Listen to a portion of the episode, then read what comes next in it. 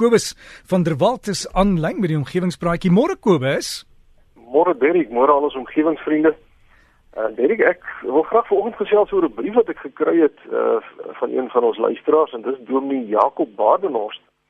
En hy is bekommerd want hy skryf iemand het 'n artikel op Facebook geplaas wat hom nou nogal ontstel het. En die rede is omdat hy nou baie omgewingsbewus is en 'n ruk gelede sonpanele op sy huis se dak laat installeer het. En hy sê dit was nou aanvanklik as gevolg van beurtkrag want dit was nou baie lekker.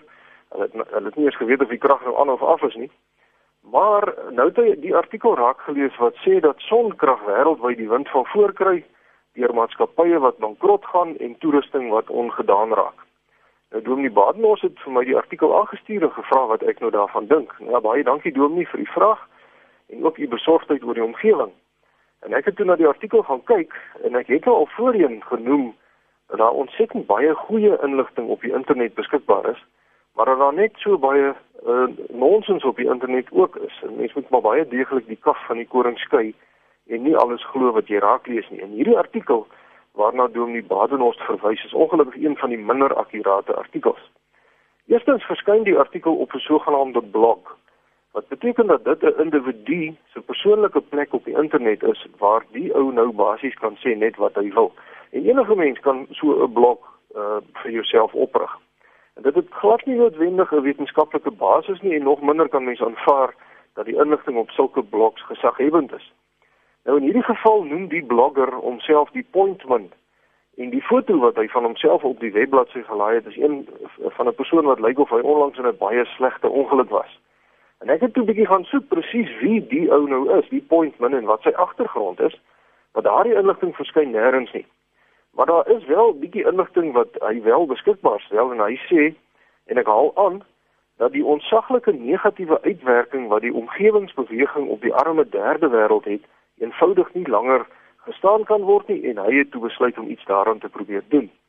Hy sê dat die strewe na 'n meer volhoubare bestaan op aarde niks anders is nie as 'n redelik deursigtige politieke set wat deur die ryker mense op aarde as 'n tipe mode gesien word. Want jy's mos nou oulik en in die mode as jy vir jou vriende kan wys hoe groen jou lewenstyl is. Maar hy sê dat hierdie selfde beweging in die derde wêreld veroorsaak dat al die mense 'n miserabele lewe het en dat dit lei tot die dood van talle mense nou in die armer lande van die wêreld. Hy sê verder dat die groen beweging se enigste doel eintlik is eh, 'n uh, politieke een is waar die ryker lande ontwikkeling in die derde wêreld wil keer sodat die eerste wêreld se mense kan aanhou met hulle lekker gerieflike lewenstyl. Nou ja, uit hierdie opmerkings blyk dit baie duidelik dat hierdie persoon na die wetenskap kyk deur 'n baie sterk gekleurde ideologiese bril. En daarom is alles wat hy sê vir my baie verdag en dit is ook so in die geval van sonkrag. As ons nou kyk na sonkrag spesifiek, dan maak die pointman nou die bewering dat die sonkragmaatskappye wêreldwyd bankrot gaan en dat sonkragtoerusting ontklaar raak. Met ander woorde, die hele sonkragindustrie was maar net 'n oneerlike foefie wat nou ten gronde gaan. Maar die werklike feite weerspreek hierdie bewering totaal. Want juist die teendeel is waar en die ontwikkeling van sonkrag gaan onverpoost voort. Meneer Hein van der Walt van Kofesa het juist vir my onlangs 'n ander berig aangestuur wat vertel dat navorsers in Australië 'n paar weke gelede die wêreldrekord vir die effektiwiteit van 'n sonaanleg gebreek het. En dat hierdie ontwikkeling die wêreld 'n stap nader bring aan 'n situasie waar ons al ons energie deur hernubare bronne sal kry. Die nuwe rekord wat in Australië opgestel is, behels 'n tradisionele reflektor van paraboliese spieëls met 'n area van 500 vierkante meter wat die ekwivalent van 2700 sonne op 'n punt konsentreer waar stoom dan nou opgewek word wat turbines kan draai om elektrisiteit op te wek. Maar die Australiërs het dit nou reg gekry om die effektiwiteit van die ontvanger sodanig te verhoog dat 97% van die sonlig in stoom omgeskakel word. En dit bring ons nader aan 'n situasie waar ons self snags elektrisiteit sal hê van die residuele warmte wat nou deur die son opgewek word sonder die nodigheid van fossiel kragstasies. En verder word gewone huishoudelike sonpanele al hoe meer effektief en ook goedkoper en ek het so ruk gelede 'n paar maande terug in die Demokratiese Republiek van die Kongo talle van die tradisionele modderhuisies gesien wat met sonpanele en sonvisors toegerus is. En as mens nou kyk na die wêreldwye groei in die geïnstalleerde kapasiteit van hernubare energiebronne, dan weet ek regtig nou nie waar die pointman aan die stories kom wat hy verkondig nie. en ek hoop dit spreek Dominee Badenhorst se kommer aan. U kan maar rustig voortgaan om die voordele van u sonpanele te geniet sonder om bekommerd te wees daaroor. Dan Derek wil ek graag volgende afsluit met 'n baie interessante vraag. Dit is nou eh, 'n uh, goeie denke en dit kom van meneer Josef Jansen van Boksburg. En hy vra waar al die warmte vandaan kom, die warmte-energie wat so vreeslik baie seewater in die Stille Oseaan kan warm maak tydens 'n El Niño verskynsel. Hy sê die hittebron moet van jaar tot jaar wissel. So sommige jare maak dit nou die see warmer as ander jare, maar wat dit ook al is, dit moet geweldig baie energie kan oordra aan die vreeslike klomp seewater. En nou wonder hy of dit dalk van geotermiese oorsprong kan wees, met ander woorde dalk 'n onderseese vulkaan. Baie dankie meneer Jansen vir u vraag.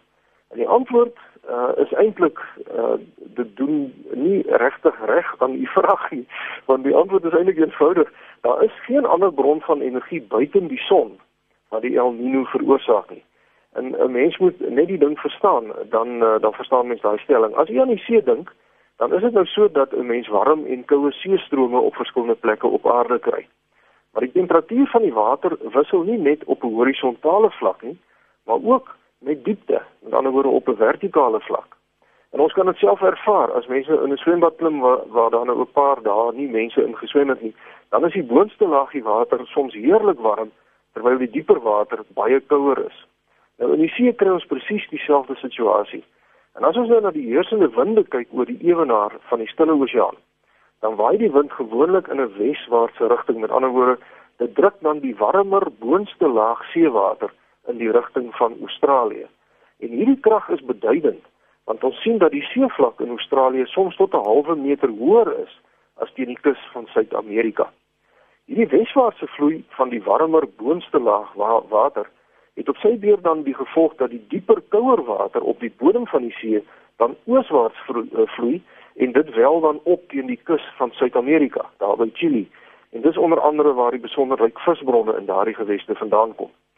Nou van tyd tot tyd hou die winde opwaai of dit waai minder en die warmer water wat teen Australië opgedam het, vloei dan weer terug na Suid-Amerika se kant toe en dan het ons 'n El Niño. So daar is geen bykomende bron van energie wat die water verwarm behalwe die son nie en dis maar net die windrigting wat dan die water in sekere rigtings uh, waai. Ehm um, so ons sien uh, dat dat egter wel iets is wat gebeur as gevolg van aardverwarming En dit is dat die hele see wêreldwyd wêreldwyd besig is om warmer te word. En hierdie bykomende energie het nou die effek uh, amper soos 'n pot melk wat op 'n stoof staan en prut en jy maak die plaat al hoe warmer. Met ander woorde, die veranderinge in weerverskynsels soos die El Niño word al hoe meer onvoorspelbaar en al hoe meer intens. En dit daarmee is my tydjie vanoggend om. Omgewingsvriende kan gerus vir my skryf. My rekenaaradres is kobus.vanderwalt@nwu www.ac.za of u kan verder besonderhede kry op omgewingspraatjies se Facebook bladsy. Vriendelike groete tot 'n volgende keer. Koos baie dankie en heerlike naweek vir jou. Daai Facebook bladsy is omgewingspraatjies, die meervoud omgewingspraatjies.